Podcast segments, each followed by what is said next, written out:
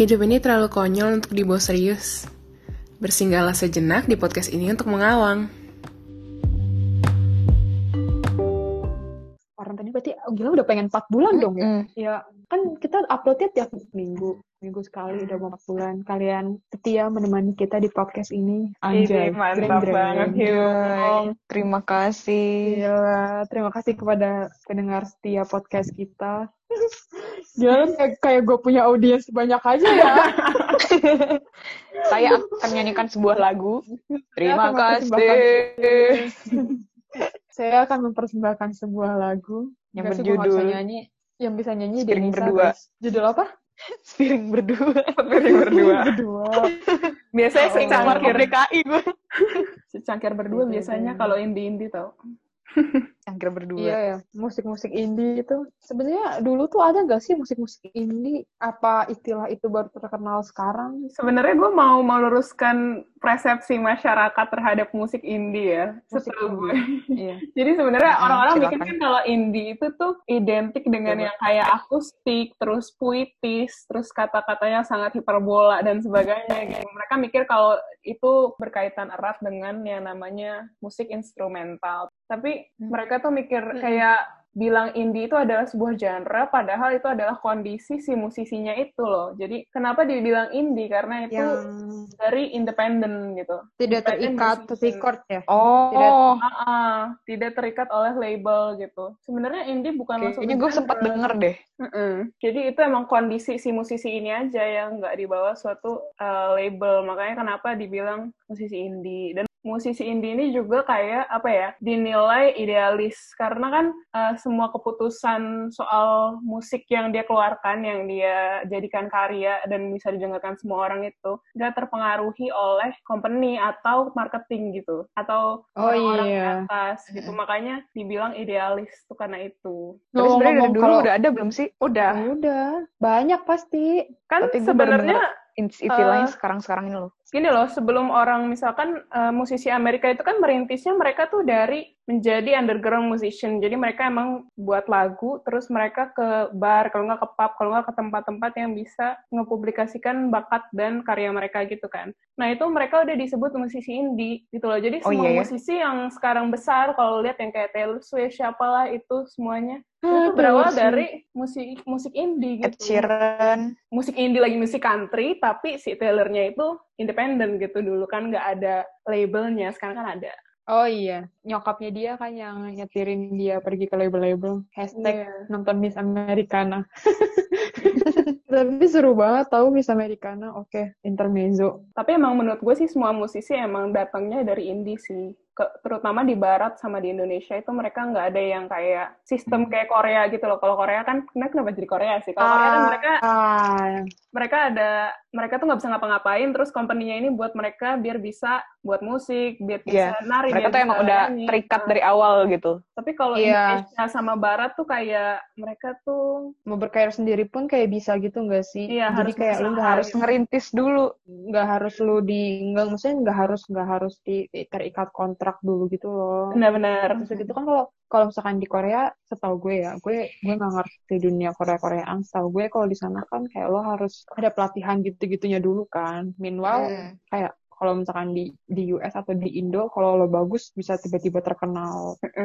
Sebenarnya kalau misalkan ngomongin itu kayak bilang Denisa tadi, Swift berawal dari indie. Kalau misalkan dipikir, gue lebih memilih Taylor Swift jadi indie aja tahu. Apalagi setelah kejadian Semua yang sebelum Iya, dilabelin itu bagus loh. Nggak apalagi kejadian kejadian ini yang dia kan dulu sampai album Reputation di Big Machine Record kan, terus baru pindah baru pindah label pas di Lover kan. Kalau misalkan ada yang nggak tahu ya, Taylor Swift itu punya lagu judulnya All Too Well. Itu tuh lagunya itu tuh di album Red panjangnya tuh sekitar 5 menit itu bagus banget. Nah, sebenarnya dia itu awalnya nulis lagu tuh sepanjang 10 menit gitu loh. Cuma tuh kan karena dia terikat sama dipotong lagunya. Padahal kayak bayangin kalau mendapatkan lagu sepanjang 10 menit tuh nggak apa-apa anjir. Dulu Guns N' Roses juga mereka punya Novembernya juga apa anjir itu lama banget 10 menit nggak sih Kayak gue. Label tuh malah mau, mau apa ya membatasi kemampuan para artisnya nggak sih? Terkadang, terkadang. Kadang ini nggak me, itu ya semata-mata menjudge label iya, gitu.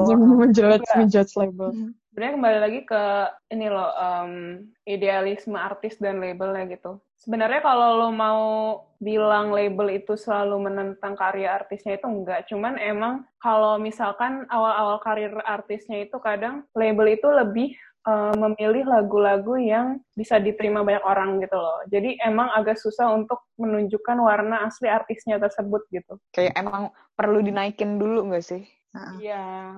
Tapi memang juga ada yang apa ya, uh, gara-gara label tersebut mereka benar-benar nggak bisa uh, nunjukin karya-karya mereka yang sangat personal ataupun warna mereka sendiri gitu. Kadang kan musisi emang nggak bisa dikontrol ketika mereka tulis lirik atau lagu gitu kan. Dan lirik tersebut juga kalau mungkin berkaitan dengan personal, nggak semua orang bisa menerima gitu. Karena kalau di Indonesia sendiri kan, uh, kalau dilihat musik-musik yang ada di radio ya, itu pasti liriknya lulus sensor gitu. Tapi menurut gue kan musik gak bisa Ah. dibatasin oleh hal-hal kayak gitu gitu. Karena seni, makanya banyak yang independen kan untuk menunjukkan warna aslinya. Kalau musisi tuh kebahagiaan yang paling maksimal adalah dia tuh bisa menuangkan karyanya di suatu lagu gitu dan semua orang tuh bisa relate ke lagu itu tanpa ada rombakan dari tangan orang lain gitu Iya. Benar-benar. Jadi lu mau kersing mau apa di lagu lu mau tentang yang rated 21 plus gitu bodo amat gitu yang penting ini karya tulus gitu dari si musisi ini idealisme musisi ini gitu. Mm-mm. Hmm. Sebenarnya pasti banyak sih di luar sana yang bagus-bagus tapi nggak kelihatan gitu kan. Banyak sih pasti. Mm-mm. Yang belum yang belum kita dengar juga pasti ada. Mm-mm, banyak sih tapi kalau gue ngelihat misalkan orang dengar lagu apa ya mau lu seindie apa pun gitu mau musisi itu seindie apa pun pasti ada pendengarnya karena emang manusia tuh beda-beda banget preferensi musiknya Iya, jadi emang punya pasarnya sendiri aja gitu pas, uh, uh, benar. Benar. Meskipun meskipun penontonnya nggak banyak juga, tapi dia kayak ya ada pasarnya. Yang apa jatuhnya ituan setianya anjay. Anjay. Tuhan setia pendengar Pendengar setia. setia. Iya ya, gue suka tau terkadang kalau misalkan ada lagu, ada lagu yang ada cursingnya, kayak baru-baru sekarang, ini apalagi di album Taylor yang folklore ya, baru-baru sekarang kan dia ada yang cursing yang di lagu Betty dan lagu kesukaan lo. Iya. Dari. gue tuh belum dengerin folklore banyak-banyak tahu. Gue baru dengerin Cardigan, Number One. The one, Eh, Number The One. One, Number One. the one. Film main number one Jadi lagunya itu yang Number One for me. You know you are number one for me. Lagu siapa tuh? Siapa sih yang nyanyi lagu Islami? Zain eh, Zaid Oh, Mahar Mahar Zain. Zain. Heeh. Lagunya Mahar Zain. siapa sih yang nyanyi lagu-lagu Islami Gue pengen ngomong Zain Malik.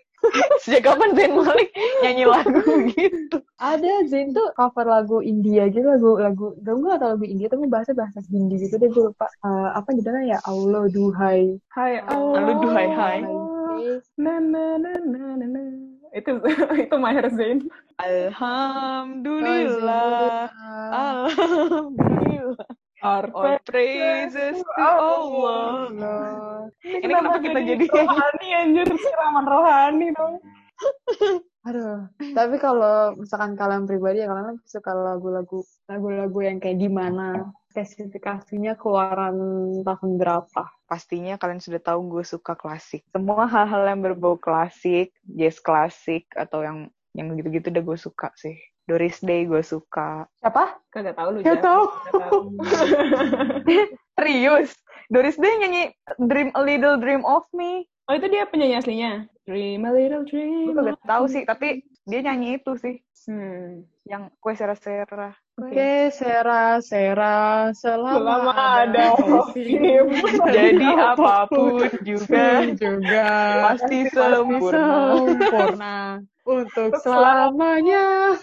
Parah banget Sumpah penistaan lagu banget ya Terus ya pokoknya najis ya suka lagu-lagu lama dah. Klan tuh menistakan lagu tau gak sih Kue sera-sera. selama ada Holsim Woi, kenapa jadi nyanyi Holsim kita nih? Sama apa? Ada juga tahu eh, iklan apa dulu ya? Yang lagu lagunya tuh yang lagunya ini yang Kiss Me.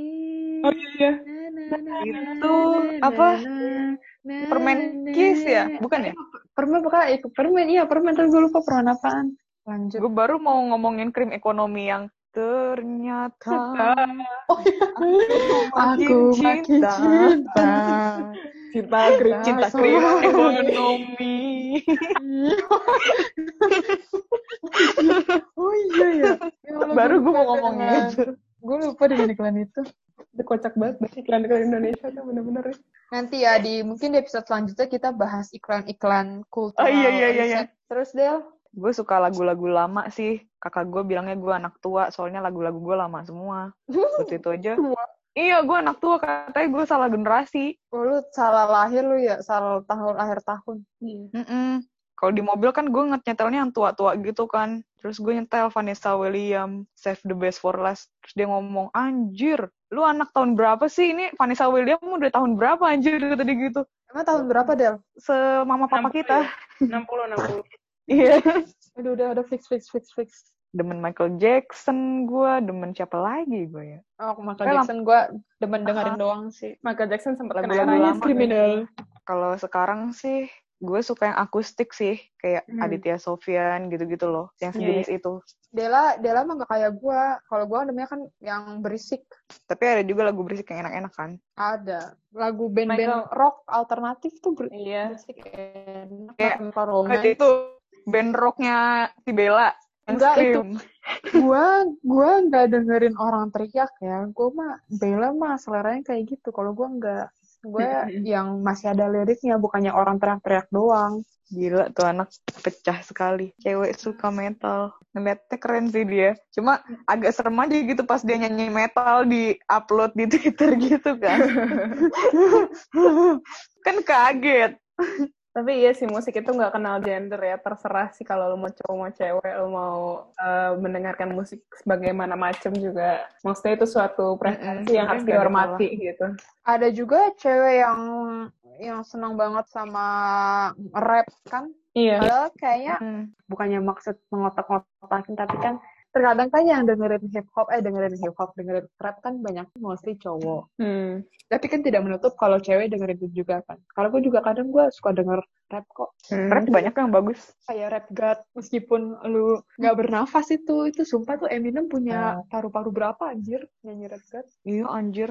Kapasitasnya gede banget tuh paru-paru. atau enggak Kendrick Lamar Nih ya, kalau gue tuh sebenarnya gue nggak tahu gue aneh apa gimana, cuman gue ngerasa waktu SD sampai sekarang itu gue ngerasa preferensi gue tuh bener-bener yang kayak berubah-berubahnya tuh drastis gitu loh. SD tuh Uh, gue masih dengerin kayak top 100, pokoknya semua lagu yang di radio, karena kan dulu radio Hits. tuh gue denger tiap hari kan.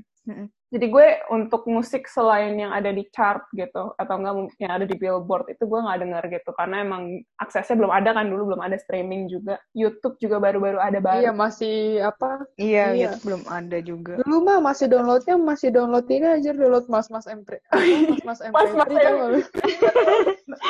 bajunya itu ada abu-abu kuningnya. Terus ya, yang covernya Mas-Mas OB. iya Iya, iya iya mas mas MP3 iya mas mas Emil. Downloadnya di Porsche dulu. Gue gak tahu itu Oh. siapa anjir. ilegal banget dah. Dari dulu sudah kriminal anjir. Udah terus gitu terus? anak anak-anak SD kan juga kalau dipikir eh, selera musiknya itu nggak sekompleks anak-anak, maksudnya kalau udah orang dewasa gitu ya. Dan dulu eh, apa ya? Iya. accessibility mereka untuk nge-explore lagu tuh nggak ada gitu waktu SD kan. Makanya itu-itu aja yang didengerin. belum banyak belum banyak Belum banyak. Mm-mm. Udah banyak tapi nggak ada accessibility-nya gitu. iya tapi paling paling kayak TV nggak sih terus lo nonton dari MTV Ih, tapi dulu gue waktu kecil SMP apa SD ya ngecek itu music billboard buat tahu musik-musik terbaru. Iya, emang gue ngecek Iya. billboard. Gue juga nggak, kan kalau billboard kan berarti sama nih sama apa yang ada di radio nih. Maksud gue selain music, Iya, iya. stream music gitu yang kayak indie gitu kan dulu belum, kita belum tahu gitu. belum mm-mm. SMP itu wibu banget gue bener-bener Jepang. So Mm-mm. sekana Sekana moya shimi, Ya, Eh, itu kan Den, yang lu dengerin Den. Itu SD. Soalnya kan nonton Naruto pas SD. Kalau SMP itu Oh iya, Den. lebih ke musisi grup Jepang gitu, grup-grup Jepang. Itu banyak banget dulu grup Jepang kan. Kahaya ite mieru. Belum ada. Lu apal semua sih gua. Belum ada Kagaya Itemieru, belum ada Ardela. Kagaya Itemieru. Terus SMA tuh Korea, K-pop gue anaknya baru kuliah itu baru Mm-mm. netral sih gara-gara PT. Na na na. Gue jadi backsoundnya aja udah di setiap jenjang. Sebelum ketemu PT gue udah suka Korea. Jadi ceritanya adalah gue waktu itu lagi transisi da- dari SMP ke SMA. Nah, TV gue TV kabel. Yang seru itu channel Ah. Koreanya doang. Yang lain tuh gue kayak TV Nontonnya. kabel nontonnya tuh kayak NCIS gitu-gitu kan. Cuman kalau gue lagi pengen yang ringan-ringan tuh gue ke channel Korea. Eh lama-lama kok gue nontonin terus gitu kan. Lama-lama suka gue K-pop kan. Suka. Iya kok suka Denisa waktu SMP gue ngatain temen gue gitu kan. Waktu SMP gue ngatain temen Dulu gue. juga dicokokin EXO. Masalahnya kan kalau orang-orang tuh masuk Korea tuh kadang dicekokin orang ya. Karena dia tuh kayak, ayo gue suka ini, ini ganteng lo apalah gitu. Kalau gue tuh dulu ngatain temen-temen gue. Soalnya kan kita pada wibu, terus kubu yang lain tuh pada K-pop gitu kan. Terus apaan sih K-pop? Hahaha. Gue, gue pas mau Kurang aja. pas mau ke SMA, Menjilat ludah sendiri gitu kan. TV itu berkata kepada gue, tontonlah channel Korea gitu kan. kayak kayak kayak apa kayak kayak lu di ini gitu ya. Ayo tonton. Ayo. Ayo nonton. Kamu kamu ingin menonton. Coba sekali aja ya.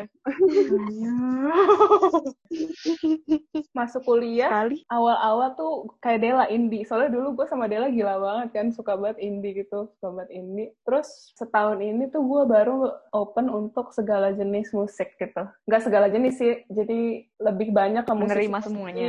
Musisi-musisi musisi yang nggak banyak dikenal orang gitu. Gue nggak tahu kenapa, cuman gue kayak suka gitu dengan gayanya band dan sebagainya. Tapi bukan band yang band gitu, tapi ada lo-fi-nya, ada apanya. Pokoknya campur-campur gitulah genrenya. Jadi masuk sekarang- aja semuanya, masuk masuk Ah. genre apa aja gitu kan. Iya, gue lebih terbuka, terus gue lebih mau mencoba yang macam-macam gitu, mencari yang di luar mainstream music gitu loh. Kayak di luar yang ada di radio gitu-gitu. Soalnya gue waktu kuliah bosen banget ngeliat denger radio tuh tiap hari itu itu doang musik ya kan. Orang lain tuh pada nyanyi di kampus itu. Gue di radio pulang ke rumah itu. Despacito keluar. Nih, gue ngomong aja di sini ya, gue benci banget lagu Despacito. gue sebenci. Despacito. Nah, nah, nah, nah, nah, nah, nah, Despacito. Apa yang hits kemarin-kemarin ya? Kayak Way Back Home juga ya, yang barengan sama Korea itu kan. Tahun. ha. Tapi itu bagus sih. Itu keren sih. Nih, gue nggak pernah bilang, gue nggak pernah bilang kalau musik-musik di radio itu jelek. Cuman gara-gara gue keseringan denger, jadi kayak enak sendiri gitu loh. Sebenarnya Mem- membosankan. Cuman gue enak aja gara-gara gue di, gue dengernya itu, itu doang gitu di mobil. Sama. Bagaimana dengan lu sendiri? Gue kayak Denisa sebenarnya. Gue bisa tiap tahun genre yang gue dengerin bisa beda-beda. Aneh banget gak sih? Ini bisa kan nih? Tapi entah Ada mood-moodnya. Kalau gue sih kayak Denisa gitu loh. Cuma kalau Denisa kan kayak bisa SMP, SMA gitu-gitu kan. Kalau gue bisa per tahun bisa beda-beda, Wak. Jadi gue pas SD, eh gue lupa kayak gue SD tuh mungkin nggak mendengarkan radio sih. Kayak ya udah apa yang ada di radio terus atau enggak apa yang bisa disetel di mobil gitu loh. Karena kan SD kata Denisa lagi source untuk mendengarkannya tuh tidak banyak gitu, nggak kayak sekarang. Terus eh apa ya? Terus pas SMP gue mulai ngikutin pop, pop karena waktu itu kan kayak Katy kayak Katy Perry gitu-gitu kan rame banget, woi. Terus ah kan, nah habis itu waktu itu kan lagi rame-ramenya aja. Oh iya, Justin Bieber, Justin Bieber yang di album. Oh, yang dia rambutnya masih mangkok gitu ya? Heeh, apa tuh album pertamanya? My World bukan sih? Gue lupa deh. Ya pokoknya itu deh. Eh, pokoknya pokoknya itu deh. Nah, teman-teman SD gue kan beberapa ada yang dengerin kan. Iya, My World, wah My World. Iya, iya, Terus iya. abis itu kayak terus gue jadi kayak ke bawah gitu di situ lah. Saya pas awal-awal akhir-akhir SD itu kayak gue mulai ah, terbuka dengan musik-musik luar. Nah, terus waktu SMP gue mulai ngikutin pop kayak itu kan kayak Justin Bieber yang lagu Justin Bieber yang boyfriend gitu-gitu. Cuma gue tuh cuma kayak mendengarkan aja tapi gue enggak never let you go. gue cuma mendengar mendengarkan tapi tuh enggak nggak nggak yang suka-suka banget, nggak yang fans gitu karena Cuma sekadar mendengarkan aja. Iya, Ah, iya. dulu temen gue ada yang fans Justin Bieber banget sampai semuanya harus ungu anjir biar kayak Justin Bieber. Oh my god. Oh, jangan-jangan itu itu orang lagi. Anak itu bukan si anak kelas G bukan si Jah? Bukan ya, beda beda ya, oke. Enggak, pas SMP, bukan pas Oh. SD. Ada temen gue cewek yang bener-bener itu aja kayak Justin Bieber. Jadi rambutnya dia buat mangkok, terus dia pakai sepatu yang Supra gitu-gitu. Cewek. Iya. Oh iya, dulu kan fotonya Supra ya. Heeh. Apa deh?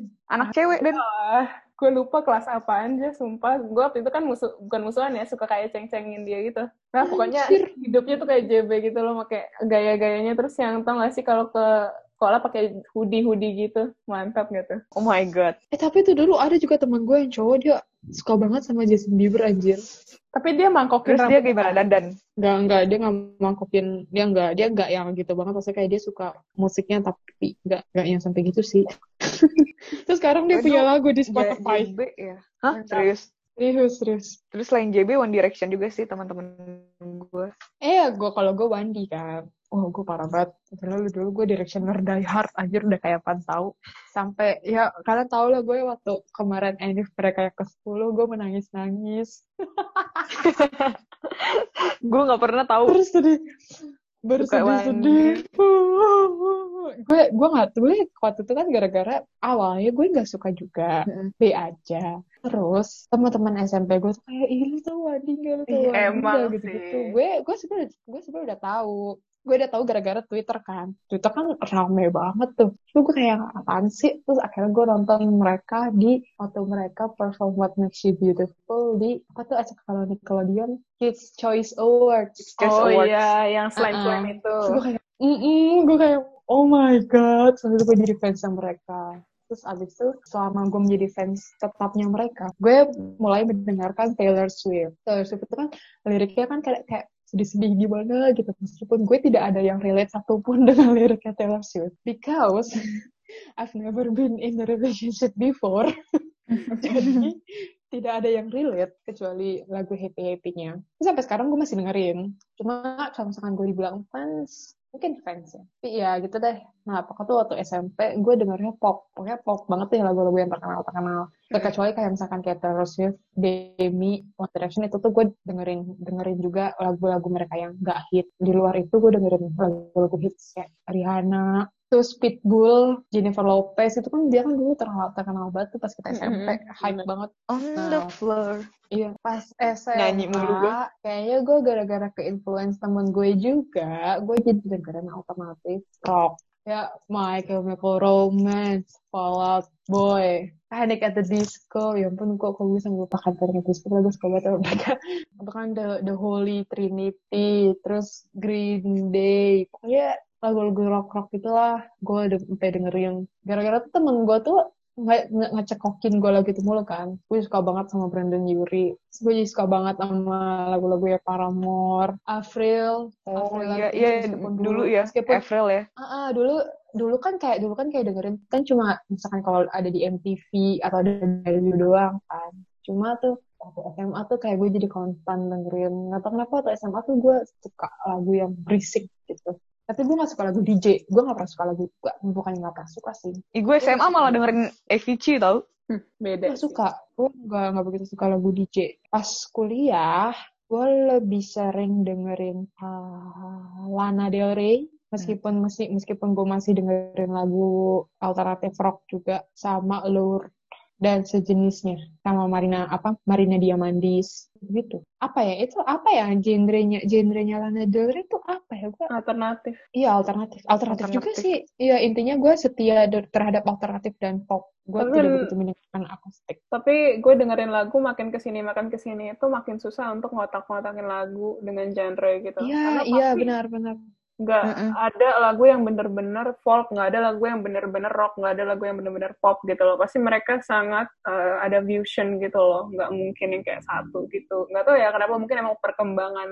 um, impact, nggak perkembangan eh, instrumental dan ya teknologi dalam musik itu berkembang banget gitu. iya benar pas gue mikirin juga dengan gue ngomong gue dulu suka Jepang terus Korea gitu-gitu, tapi ketika gue suka kayak gitu, gue nggak melepas lagu yang ada di sekitarnya juga. Gue tetap aja juga. Ternyata gue juga tetap dengerin rock juga kayak Jija yang kayak My Chemical Romance terus All Time Low gitu-gitu masih. iya gue kalau pulang sama Denisa dengerinnya My Chemical Romance all time low sambil sampai diliatin supir pick up kalau misalkan lagi di jalan oh gara-gara dengerin Dear Maria Count Me In kenceng banget Itu pusing banget tiga setengah jam Dela ya Allah. Iya tapi gue juga yang kalau lagunya enak gue denger sih Ngerti, ngerti, ngerti. Asalkan enak buat bagi gue gitu. kayak Oasis apa pun gitu-gitu kan sebenarnya juga banyak orang yang dengar Oasis. Ah, Oh. iya.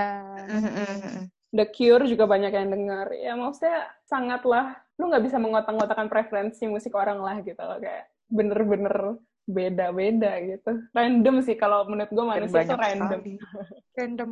Tapi ada yang emang bener-bener dengerinnya tuh dengerin folk, yang akustik. Iya iya iya. Kalau gue sama Denisa kan jatuhnya bukannya nggak konsisten sih, tapi kayak gimana ya? Ya preferensinya banyak gitu loh. Cuma temen gue ada yang bener-bener benci banget kalau misalkan gue nyetel rock. Padahal kalau menurut gue ya, ini menurut gue pribadi sih ya. Kalau lu lagi, misalkan lu lagi di di mobil, lagi road trip gitu-gitu, kadang tuh nyetel lagu rock, boy. Apalagi lagu-lagu rock Buat nyanyi rame-rame gak sih? Heeh, apalagi lagu rock tahun 90-an kayak eh, kayak Oasis, Aerosmith, The Goo Goo ah. Dolls. Iya gak sih? Kayak kayak lu lagi rame-rame tiba-tiba I don't wanna close my eyes. I don't want fall asleep cause I need you, miss babe. you, babe. Nah, itu tuh teman-teman gue tuh ada yang kalau misalkan gue pergi sama mereka tuh dengerinnya tuh lagu-lagu folk kayak Aditya Sofyan. Aditya Sofyan folk nggak ya?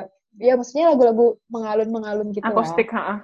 Akustik. Uh-uh. Ardito, Pamungkas, gitu-gitu. Gue kan sama sekali gak dengerin lagu mereka ya. Dan juga kayaknya sih, ya meskipun sekarang udah banyak, tapi kayaknya mostly, maksudnya mostly, mostly orang juga nggak banyak gitu nggak sih yang bukan genre orang kebanyakan gitu loh. Meskipun sudah banyak, tapi bukan genre orang kebanyakan. Ngerti nggak maksud gue? Iya ngerti. Apa maksudnya? Terus gimana pendapat lo dengan, gak ngerti. dengan lagu itu? Nggak jadi maksudnya nih meskipun sekarang dia udah terkenal kan banyak yang Ah. dengerin Hmm. tapi dia bukan genre semua orang nggak kayak pop Iya, nggak banyak orang yang, maksudnya ada orang yang nggak suka sama genre itu gitu loh. Oh iya iya iya. Heeh. Heeh. nah beberapa temen gue tuh ada yang stick stick banget sama genre-genre kayak gitu sementara gue tuh kayak gue nggak bisa gue tuh tipe orang yang mungkin kalau untuk hal musik gue universal tapi gue nggak suka lagu eh, teriak metal yang scream eh heavy metal sama lagu DJ yang berisik banget tuh gue nggak suka Tapi lagu DJ juga banyak yang apa ya low to medium tempo sih. Lumayan. Gue gue masih masih dengar sih yang kayak low to medium tempo yang nggak kebanyakan apa ya kompleksitas dalam lagu disco itu. Lagu DJ Nggak jedak-jeduk banget. nggak yang kayak Iya sama nggak bisa nggak bisa Yang nggak gitu-gitu banget gitu. yang kayak gitu gue nggak bisa. Itu lagunya siapa ya Nggak tahu itu emang di DJ di klub itu. itu aja perumpamaan yang- saja. Ya itu itu perumpamaan aja. Iya, atau enggak ada apa uh, dangdutnya, dangdut angkot itu kan kayak berisik banget gitu anjir. Iya anjir. Jedak, jeduk, jedak, jeduk. jeduk, jeduk, jeduk, jeduk. Angkotnya warna-warni itunya apa lampunya. Ayo Lampunya. lampunya warna-warni, sumpah. Nge-DJ diangkut dong. Ternyata tetetet. Tet, Sialan. Iya banget. Kampret Denisa. gue. Itu di klub anjing suka banget lagunya tuh kayak. Kayak sebenarnya gue tahu kalau misalkan kalau misalkan dugem ya, kayak orang yang gak suka musik, orang yang gak suka musik berisik, terus dia kalau dugem gimana anjir? Gini Pusing. Musiknya musiknya kan berisik semua. gini aja. Sebenarnya kalau misalkan tempat-tempat misalkan mau mau minum itu tuh bisa banyak pilihan gitu loh. Jadi kalau lu suka EDM lu ke klub gitu. Tapi kalau lu suka lagu yang mellow terus akustik, instrumental itu lu bisa ke live music. Tapi kalau lu pengen yang kayak cuman ada petikan gitar terus suaranya kecil itu lu bisa ke pub gitu kan. Nah sebenarnya orang tuh banyak loh pilihan mau minum gitu, nggak usah ke klub aja. Tapi sekarang tuh orang terlalu ah ayo ke klub, ayo ke klub gitu. Padahal ada tempat Ayo lain filmnya kelap-kelap gitu. tempat minum yang lebih maksudnya lu bisa menyesuaikan dengan preferensi musik lo gitu. Nggak cuma lu minum, tapi keberisikan kuping lu gitu kan. Pertanyaan gua, pertanyaan gua adalah emang di Jakarta ada pub Ada, Ada. banyak, di mana? banyak banget sebenarnya. Ada Oke, dong. gue cari. Oke, gue cari. Mau ke pub? soalnya gue gue gue gue nggak familiar dengan pub Jakarta. Biasanya kan kalau Jakarta kan mostly apa namanya? Club gitu kan. Tapi Oke, lanjut. dulu tuh waktu SMP ya, waktu SMP di SMP gue itu banyak metode belajar dengan menyanyi, apalagi pelajaran biologi. Jadi kayak Ah, itu seru lu banget. belajar. Oh iya iya iya iya. Lu belajar alfabet dalam Inggris aja pakai pakai lagu A nggak sih? B. C D E F G. Kayak kayaknya PLKJ deh. Ada lagu Hmm. gini, norma bermasyarakat, semua ada empat. Sumpah lagu biologi gue juga gue ingat Kingdom, Phylum, Class, Ordo, Family, Genus, Species. Mantap Oh banget iya, kan oh, oh iya Den. Ingat nggak Den dulu kita kimia sama Pak Sugeng disuruh bikin lagu. Iya iya iya. Jadi iya. kimia yang disuruh bikin lagu itu. Project Kan kata project. dia biar ah biar lebih ingat. Iya juga ya. Iya iya gue Masih hafal nggak? Enggak. Ya kan? Kalau kita tuh kalau dapat dari guru tuh nggak tahu kenapa apa langsung gitu loh, entah kenapa. Mungkin emang Iya, kayak padahal ada itu itu kita bikin sendiri. educationalnya gitu kali. Tapi memang sih dengan dengan adanya YouTube, Spotify, Joox atau segala musical platform itu music. benar-benar uh, membuka mata kita terhadap musik-musik yang sebenarnya kita nggak bisa reach, tapi dengan hal itu kita bisa reach gitu, bisa explore musik baru gitu, Iya. Benar. benar. menambah pengetahuan lagu dan musik. Terima Anjay. kasih Spotify. Dulu kan percaya banget tuh katanya kalau misalkan lu pakai nyajuk lu norak.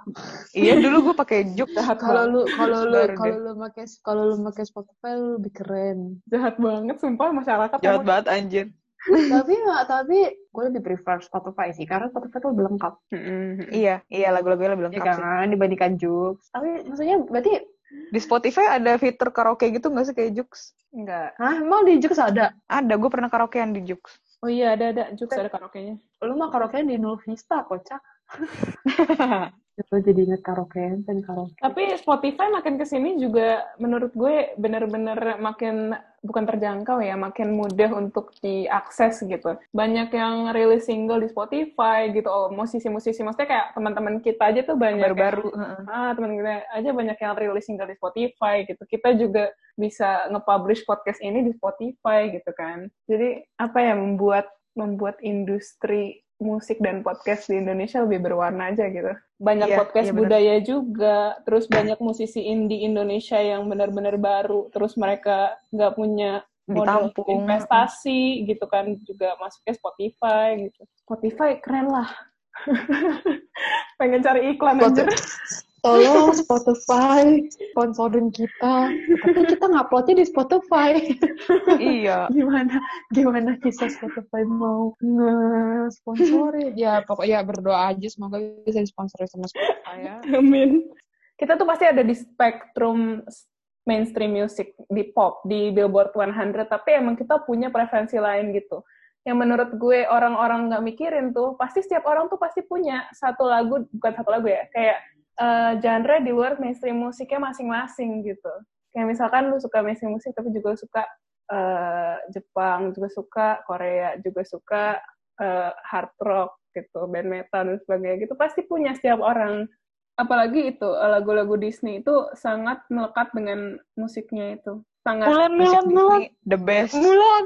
Aduh, reflection Oh. the best. Who is that girl I see? Jadi jadi pengen denger lagu Disney.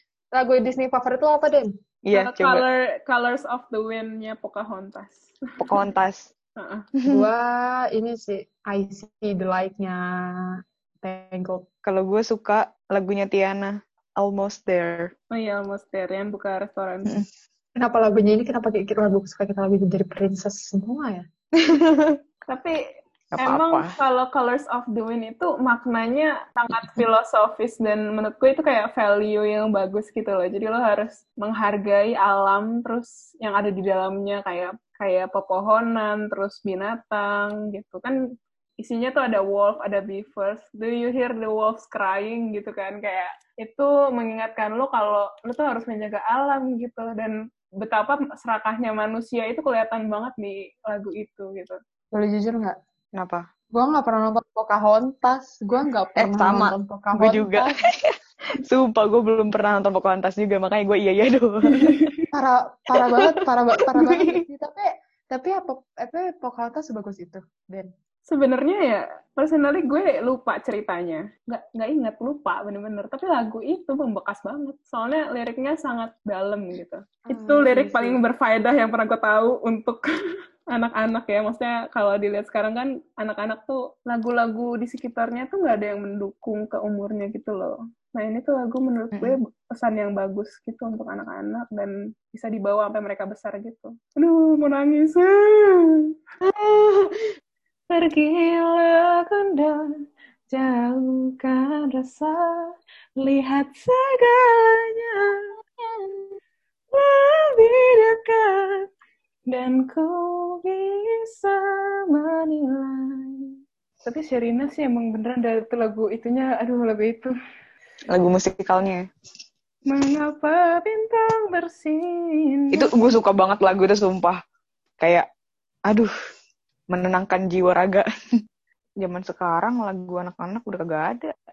Tapi nggak cuma di Indonesia sih menurut gue kayak di dunia pun mati nggak sih? Gini loh, uh, sebenarnya ada sebenarnya ada lagu anak-anak maksudnya kayak Baby Shark lah, Payu lah, tapi menurut gue itu lebih ke uh, anak-anak balita gitu yang masih kecil yang kayak playgroup SD kelas 1 gitu kan. Cuman menurut gue hmm. lagu-lagu untuk anak-anak yang beranjak beranjak ke remaja itu gak ada ya Del yang kayak Sherina zaman dulu itu Iya, iya. Iya. Joshua, andai aku jadi kaya, punya uang berjuta-juta. Tasya juga dulu gitu kan, Tasya. Liburlah tiba. Gimana ya cara mengembalikan kayak begitu ya, lagu-lagu anak lagi ya? Agak susah, susah sih, Del. Uh -uh, susah. Karena anak-anak zaman sekarang udah nggak tertarik yang kayak begitu. Iya ya, gue heran banget sekarang ya. Dewasa terlalu cepat dulu tuh lagu-lagu Tasya, lagu-lagu Sherin. Tasya tuh ada lagu yang kayak sebelum tidur, tau gak sih yang kayak lalebay gitu. Jangan lupa membaca doa, itu lucu banget. Gue suka banget lagu itu. Tapi gue lupa liriknya kayak gimana mana adanya. Kok gue gak tahu anjir. Lagu simple sih gitu. Lagu simple terus isinya cuman kayak simple kegiatan, plan. kegiatan sehari-hari. Tapi menurut gue kayak maknanya itu nyampe gitu loh ke anak kecil dan itu bagus. Membuat karakter tidak seperti sekarang Blackpink anak SD anak SD Blackpink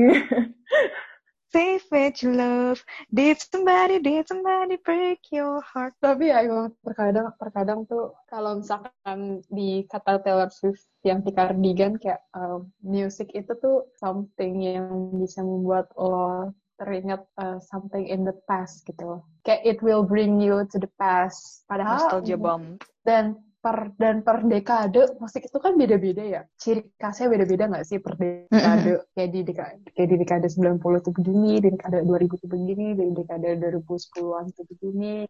Kayak di kan gue, gue lagi seneng banget dengerin Won't Go Home Without You-nya Maroon 5 kan. Itu kan tahun 2007 seingat gue sama salah rilis itu kayak ingat banget ingat banget masa-masa tahun segitu padahal gue nggak dengerin lagu itu tuh ketika tahun 2007 tapi tuh kayak gue tiba-tiba jadi kayak ingat tahun gitu gitu. Kayak masa-masa kecil denger lagu itu. Iya musik tuh sungguh gue bisa bilang kayak hal yang luar biasa sih. Luar biasa sekali. Terkadang musik juga yang menyatukan manusia. Oh coy. Ayah. Dengarkanlah aku Aku ingin bernyanyi, ingin bertemu. Kayak, kayak mulai, mulai, mulai, mulai. Air mata di pipi Capek skripsi mereka ini, ya Allah. Iya, gue sekarang tapi, tapi gue sekarang senang tahu gue baru ada gitar. Maksudnya kayak kalau gue udah capek ya ya udah gue meskipun gue belum bisa mainnya ya gue menjereng-jerengin aja. Gue kemarin kenapa tiba-tiba ngajak recording semalam? Itu karena gue habis nonton video YouTube. Lo tau gak sih Del ODG? ODG? Iya yang ada anak kecil, ntar ditemuin sama musisi gitu. Jadi mereka baru ngeluarin episode baru, nah itu ada boy band gitu baru mau debut, dia suruh perform di depan anak kecil ini. Anak kecil ini atlet. Nah, si anak kecil yang hmm. atlet ini nanya ke cowok-cowok ini, uh, saya selalu merasa kalau saya tuh nggak ada di di sport gitu. Maksudnya badan saya bukan badan yang uh, terbentuk untuk berolahraga gitu, bukan atletis gitu kan. Solusinya tuh apa gitu dia nanya. Terus si boyband boyband ini salah satunya itu jawab gini, dulu saya juga taekwondo. Terus memang saya juga badannya nggak atletis, tapi saya terus ter, terus tekunin aja di situ sampai semua orang tuh kaget melihat saya sukses gitu kan. Terus gue kayak kepikiran, anjir, kan gue selama ini selalu mikir musisi itu lahir dengan bakat ngerti gak sih? Jadi kayak oh iya iya iya. Gue Mm-mm. juga mikir gitu tau Den. Gue juga gue sampai kayak- detik ini masih mikir maksudnya kayak gitu. maksudnya maaf nih kayak ada beberapa musisi yang kok bisa main banyak uh, instrumen Mm-mm. gitu. Terus kayak bisa setalented itu untuk menulis lagu untuk kayak bermain gitu-gitu. Makanya gue tuh udah berpikir itu pasti bakat udah dari lahir tuh seperti itu gitu loh. Iya iya Tapi ada juga kok yang bisa karena kerja keras gitu. nah heeh. Atau dia emang mudah belajarnya gitu. Jadi bisa dia kalau belajar satu, misalkan belajar gitar, oke dia bisa. Tapi dia belajar ke hal lain kayak drum atau piano, dia tetap bisa karena dia cepet belajarnya gitu loh. Ada orang kayak gitu. Jadi seakan-akan dia multi talent gitu. benar benar benar jadi sebenarnya pemikiran gue tuh ada dua gitu yang satu itu yang dari lahir yang selalu gue ngeliat orang kok nih orang bisa ya buat eh, lirik sebagus ini terus dengan lu jalan-jalan dan apa mencari inspirasi tiba-tiba dapet terus melodinya kayak gini kayak gitu tuh gue sebenarnya belum ngerti tekniknya sampai sekarang kan kalau untuk pembuatan lagu tuh jadi gue kagum dengan orang-orang yang kayak wah ini anak nggak pernah belajar musik tapi kok jago banget gitu buat lagu buat lirik itu ada yang kedua itu yang kerja keras yang benar-benar dari kecil tuh emang latihan itu terus lanjut gitu kan. Nah sebenarnya video yang tadi yang tadi itu yang si atlet ini gue gandingin dengan video si Dita ngomong kalau intinya gini gue tuh sampai sekarang nggak semata-mata karena gue berprivilege loh gitu karena gue juga eh, bekerja keras untuk sampai sini gitu ternyata tuh dia kayak udah les dari kecil, terus dia kuliahnya juga dance, terus dia ternyata kayak audisi ke 10 tempat atau berapa tempat ditolak, ditolak, ditolak, sampai baru ke entertainment yang sekarang kan, ke label yang sekarang. Terus gue mikir, gimana kalau gue dulu major in music gitu? Gimana kalau gue dulu kuliah musik, terus apakah gue masih berpikir kalau musik itu dari bakat, atau emang bisa diraih dengan kerja keras? Karena gue tuh masih nggak ngerti sampai sekarang sistematika orang menulis lagu tuh gimana gitu loh. Kayaknya sih bisa dengan kerja keras. Karena kan di situ lu belajar. Ya, cuma agak ngeden aja.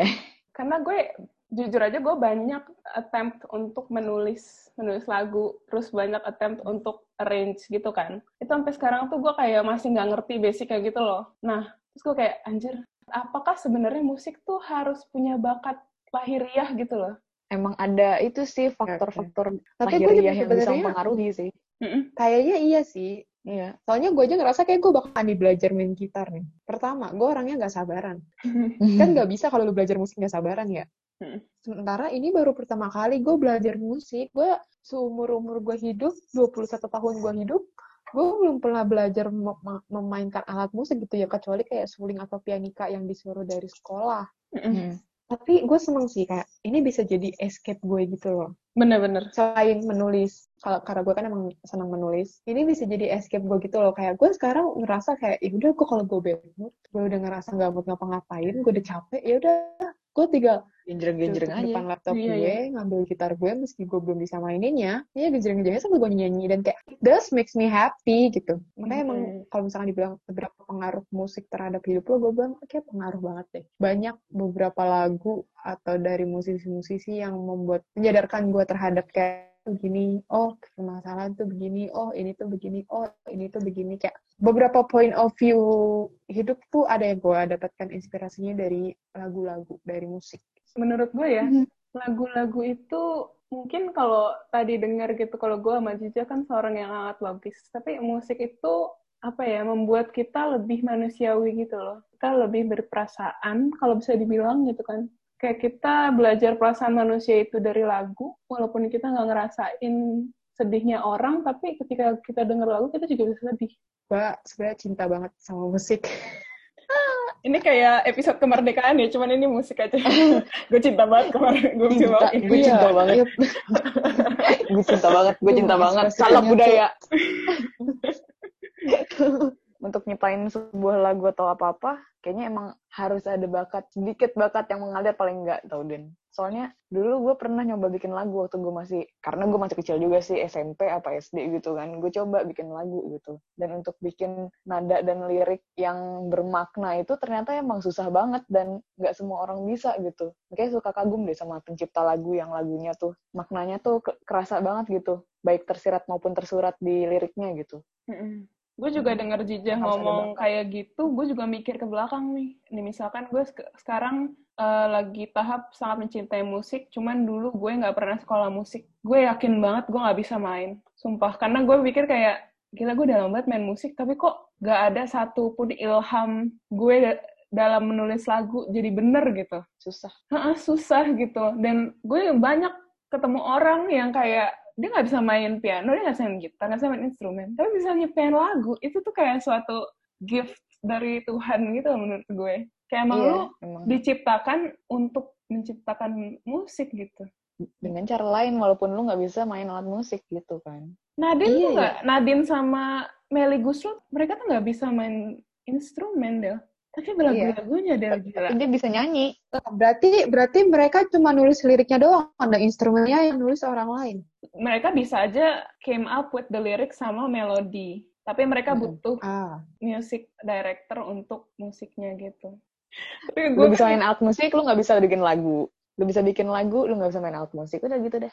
Tapi Isyana bisa dua-duanya. Semesta mendukung dia. Ah ya, semesta mendukung dia dong. Iya benar-benar. Biasanya tuh ya orang-orang yang bikin musik gitu atau ngaransemen lagu gitu kan dia mainnya otak kanan gitu ya. Mm-mm. Tapi teman-teman gue ada yang pinter di pelajaran eksak maupun gak eksak, tapi dia juga pinter bikin aransemen lagu gitu. Anjir kayak kita menyebut dia the next Yofi Widianto. Kayak Sementara aku bodoh. gila pada pinter-pinter banget, weh. Gak bisa ada orang pinter dua-duanya otak kanan otak kiri gitu. Tapi jarang tahu orang bisa balance otak kanan otak kiri. Biasanya otak kayak biasa kayak ada cenderung salah satu gitu nggak sih? Ja, lu tau nggak? Dulu kan waktu SMA kelas 9 itu kan kita pernah dites otak kanan otak kiri. Lu inget nggak? Kelas 9 berarti SMP bodoh. Eh, kelas 12. kelas 12 tuh kan. Baru otak diomongin Jumat. baru, baru diomongin. Iya, kelas 12. Kenapa? pernah tes otak kanan otak kiri. Inget gak? Minat bakat. Iya, pernah. Heeh. Itu kan grafik orang-orang tuh pada bentuknya segi 1, 2, 3, 4, 5. Segi 5. Itu gue bentuknya bintang, Dela. Terus gue kayak, anjir, gua, mama aku berbeda. Maksudnya gimana? Maksudnya Jadi- gimana? Bintang. Jadi di kertasnya itu, otak kanan gue tuh Segi gitu, 98%, otak kiri gue 2%, intuitif gue 100%. Ya gila intuitif tuh intuisi ya? Apa sih? Intuitif itu logika, Oh. sensitivitas itu feelings. Jadi logika gue 100%. Manusia yang sangat logis gitu ya. Bisa dibilang begitu. Gua itu dulu hampir selalu balance. Dulu gua waktu tes pernah sekolah kayak tes extrovert introvert gitu kalau nggak salah. Extrovert gue 60%, introvert gue 40%. Hmm. Terus otak kanan otak kanan otak kiri juga kalau nggak salah ya otak kiriku tuh sekitar 60% apa 55 sekitar gitu otak kanan gua di angka sisanya. Hmm. Jadi kayak nggak nggak nggak ada yang sampai beda 9 banding 1, 8 banding 2 gitu tuh nggak sampai sejauh itu. Hmm. Gue bingung juga sih. Kenapa otak kok kenapa otak kanan gue lebih jalan padahal tuh dari dulu gue nggak pernah meng- mengasah seni gue kecuali gambar karena dulu waktu SD temen gue senang banget gambar terus SMP SMA juga gak begitu ini maka gue bingung otak kanan gue dari mana mungkin dari imajinasi gue atau Tapi gue nggak perlu dites juga kayaknya udah ketahuan deh gue kanan. Karena gue bego otak kiri gue. kalau dulu SD SMP kalau gue condong ke otak kiri gue percaya tapi kalau sekarang kayak gue gak punya otak dah gak kanan gak kiri Gak punya otak kau. ada dua-duanya. Hmm. Gua kan sekarang lagi mendalami ini ya, mendalami album folklore. Hmm. Gua lagi mendalami ini yang tiga lagu ini uh, Teenage Love Triangle, Cardigan, Betty, sama. August. Mm-mm. Kemarin kan gue tuh dengerin Cardigan mulu kan. Tapi gara-gara lu deh, gue jadi dengerin Betty terus. Terus? Wah, gara-gara dari gue jadi dengerin Betty terus, terus gue dengerin August terus kan. Terus gue kayak yang, gue tuh kalau gue denger- kalau dengerin gitu pasti gue sambil nonton YouTube. Karena gue sambil eh, masih sambil baca liriknya gitu kan. Terus gue sambil baca comment sectionnya kayak orang-orang tuh juga pada amazed gitu dengan kayak bakatnya Taylor buat nulis lagu gitu loh. Karena gini, lo menulis satu lagu aja menurut gue susah boy. Ya, Mm-mm. kalian berdua kalian berdua juga mengamini kan kalau nulis lagu tuh nggak gampang gitu loh. Dan ini dia bisa menulis lagu terus dibuat sebuah cerita gitu loh. Kayak, Itu itu jago Wow. banget menurut gue jago banget. wow, Tinting. kayak ini deh Melanie Mar kayak Melanie Martinez. Melanie Martinez itu ngebuat album Cry Baby. Terus itu tuh per lagu, per lagu dan videonya itu tuh jadi satu cerita. Mhm. Siapa lagi yang bikin yang bikin kayak gitu ya? Oh, Marina, Marina, Marina and the Diamond. Sekarang kan dia jadi Marina doang. Waktu itu dia bikin album namanya Electra Heart. di situ tuh dia bikin kayak empat archetypes gitu uh, housewife idol primadona pokoknya adalah empat archetypes gitu dan itu dia dia tuh kayak bener-bener ke korab sama albumnya gitu loh jadi satu album Electra Heart itu jadi cerita Nyambung. dan dia iya dan dia sampai rehat kalau nggak salah itu sampai rehat 3 sampai empat tahun biar dia bisa keluar dari karakter yang dia buat gila Hmm. banget gak sih maksudnya berarti kan kalau kayak gitu kan kalau emang mereka buat satu album jadi sebuah cerita itu kan kayak lo bener-bener masuk ke dalamnya boy terlebih kalau misalkan lo penyanyi pasti kan lo menyanyikan lagu-lagu tersebut secara konstan dalam tour atau dalam lo Mhm. lagi promosi atau lagi apa nggak kayak penulis yang ya udah kalau udah nulis terbitin ya udah mau baca baca mau enggak enggak gitu. Wow gue salut dengan penulis-penulis lagu seperti itu. Nah, you guys Keren the ya. best. Gue dengar cerita Jija maksudnya dengan dia melihat Taylor sama siapa? Marina and the Basins. Marina Basins. And the diamond and the diamond. And the Diamond. Jadi ini sangat apa ya ini sangat related dengan um, statement yang dibuat Nadine yang gue bilang tadi. Nadine kan waktu itu gue denger podcastnya dia di Makna Talks kan gue denger gitu. Ternyata semua lagu yang dia buat itu kan dari apa yang telah dia lewati gitu kan. Kayak misalkan dia disakiti pokoknya kenangan-kenangan buruk kalau nggak bahagia dia tulis gitu kan. Terus dia bilang ke nyokapnya dia cerita gini dia bilang ke nyokapnya mah Nadine takut kalau misalkan nanti Nadine itu untuk buat lagu harus di-trigger dengan dengan hal-hal yang menyakitkan dulu baru Nadine baru bisa buat lagu gitu. Nadine takut misalkan hidup Nadine lagi membosankan terus lagi semuanya happy gitu. Aku nggak bisa nulis apa-apa kata dia gitu. Terus gue kayak wah iya anjir ya. Eh berarti kan susah banget gitu untuk orang nulis lagu tanpa ada background di dalam dirinya gitu loh. Tanpa ada Inspiration juga kan. Susah untuk orang nulis lagu bukan tentang dirinya gitu bukan tentang mas masa yang lalu gitu loh Masa-masa yang apa menonjol di hidup dia gitu loh. Heeh. Gue gak ngerti sih dengan cara mereka nulis lagu dengan hal-hal kayak gitu kan. Cuma bisa nggak sih kalau mereka nulis lagu berdasarkan hal-hal sekitarnya aja gitu loh. Maksudnya nggak perlu di-trigger dengan hal-hal buruk atau yang menonjol di hidupnya, tapi dia bisa nggak sih bikin lagu dari memandang sekitarnya gitu kan, itu juga bisa. Iya Karena kalau penulis bisa kayak gitu kan, kayak kita nyari inspirasi nih, kita perhatiin orang-orang di luar. Nah, gue nggak tahu kalau kalau lagu. mungkin setiap orang tuh cara nulis lagunya beda ya Del. Ada yang kayak ngelihat sekeliling terus tiba-tiba dapat inspirasi tapi ada juga yang harus benar-benar dari hatinya atau dari masa lalunya gitu. Tapi dengan Nadine ngomong kayak gitu gue tuh jadi ngerelate hal ini dengan personality gue yang sangat logis. Nah sedangkan Nadine itu orangnya kan sangat sensitif gitu kan sangat berperasaan gitu nah makanya gue mikir kenapa sih gue dari dulu kalau misalkan buat lirik itu nggak pernah yang kayak apa ya bisa mengekspresikan suatu hal yang suatu hal yang empiris dengan hal yang dengan hal imajinatif gitu. Ngerti nggak sih? Kayak perumpamaannya gitu. Kayaknya itu didukung dengan ini logis gue. Jadi gue itu mendek gara-gara gue terlalu logis gitu loh. Gak Ngerti, nyampe ngerti. hati. Ah. Ngerti.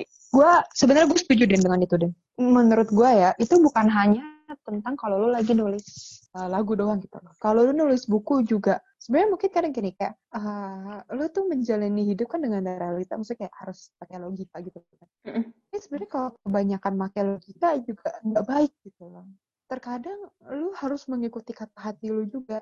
Meskipun kita Ah, untuk hidup lebih sering pakai logika gitu ya. Tapi kalau untuk menulis, entah menulis lagu, menulis buku, ini menurut gue tuh? Kita harus mau memakai apa ya uh, kehiper kehiperbolaan kita gitu loh kayak melebih-lebihkan sesuatu. gue ngerti Karena nulis perspektif. hal lebay kayak gitu, gue sumpah gue pengalaman, gue gue ini gue pengalaman banget ya. Kan gue pernah nulis cerita tuh kayak logik banget gitu kan. Gue post dalam satu portal untuk ngeposting gitu lah, ngeposting cerita. Gak ada yang baca gitu loh. Terus pas gue bikin sesuatu yang kayak terlalu imaginary, itu yang baca banyak. Gue gue heran sendiri kayak gue masih merasa kalau itu gue yang nulis, I still feel like that uh, the writer is me. Tapi itu kayak kok bisa gitu, maksudnya dengan dengan dengan hanya karena lu menggunakan sesuatu yang hiperbola dan lu tidak menggunakan sesuatu yang hiperbola tuh bisa lebih laku yang hiperbola gitu loh gue nggak ngerti di situ karena karena kata-kata Denisa tadi gue jadi kayak ya juga gitu.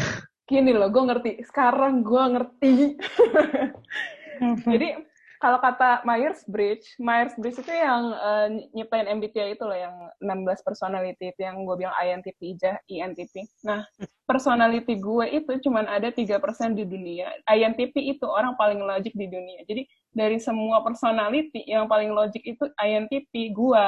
Menurut gue, kenapa Ija berpikiran kita harus menghiperbolakan menulisan dalam menulis cerita gitu. Karena kita tuh nggak sesensitif orang lain. Orang lain tuh sebenarnya nulis cerita, tapi mereka tuh sebenarnya nggak yang kayak mikir ah ini gue harus lebay-lebayin gak ya enggak itu emang dari perasaan mereka sendiri emang cuman gara-gara cuman gara-gara kita logician kita orangnya logik banget kita makanya harus kayak memperhatikan perasaan juga jadi kita lebih kayak membuat suasana tersebut sedangkan kalau orang yang sensitivitasnya tinggi mereka tuh true to their self gitu itu sebenarnya mau keluar gitu bukan kita mikir ah gue lebay-lebayin ah nggak gitu jah gitu loh itu gara-gara lo logik oh, oh ternyata seperti itu.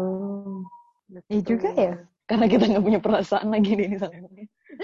Bener. Jadi kita berpikir kita harus menghiperbolakan tulisan. Tapi sebenarnya kalaupun kalau misalkan kalau di kalau misalkan dibilang gue terlalu logik tidak punya perasaan, gue mengakui gitu. Gue mengakui kalau gue terkadang heartless. Banyak orang yang bilang ke gue kalau misalkan gue nggak punya hati, uh, ya I am gitu. gue mengakui itu kok. Berarti di antara podcast ini gue yang paling cengeng ya bukan cengeng sih cuman emang bukan manusia sih. tuh rasa perasa iya perasa iya. tapi ternyata ya statement gue yang tadi yang gue bilang tip itu kenapa kagak bisa nulis lagu gara-gara logis? Terus gue keinget lagi nih. Jadi kan gue tuh tahu MBTI itu kan dari SMA tapi tuh di Korea sekarang baru booming gitu. Nah semua idol tuh pada tes MBTI kak yang gue kaget itu tuh hampir semuanya ISFJ kalau enggak ISFJ sedangkan gue INTP dan itu bener-bener kutub yang berbeda kan. Nah pas gue lihat ya, ya. ah iya juga berarti singers tends to be very sensitive dan emotion. Mereka tuh mudah untuk deal with emotion sedangkan orang-orang kayak gue dan Jija itu susah untuk deal with emotions. Seperti mati lampu ya sayang mati lampu. Eh sumpah itu yang bahasa Inggris yang bahasa Inggris. Yang bahasa Inggris. Like a light out. Yes baby. Like a light out. My love without you. Yes baby. Loha, udah dengerin ya? Makasih ya udah dengerin. Sampai ketemu di episode selanjutnya ya. Dadah!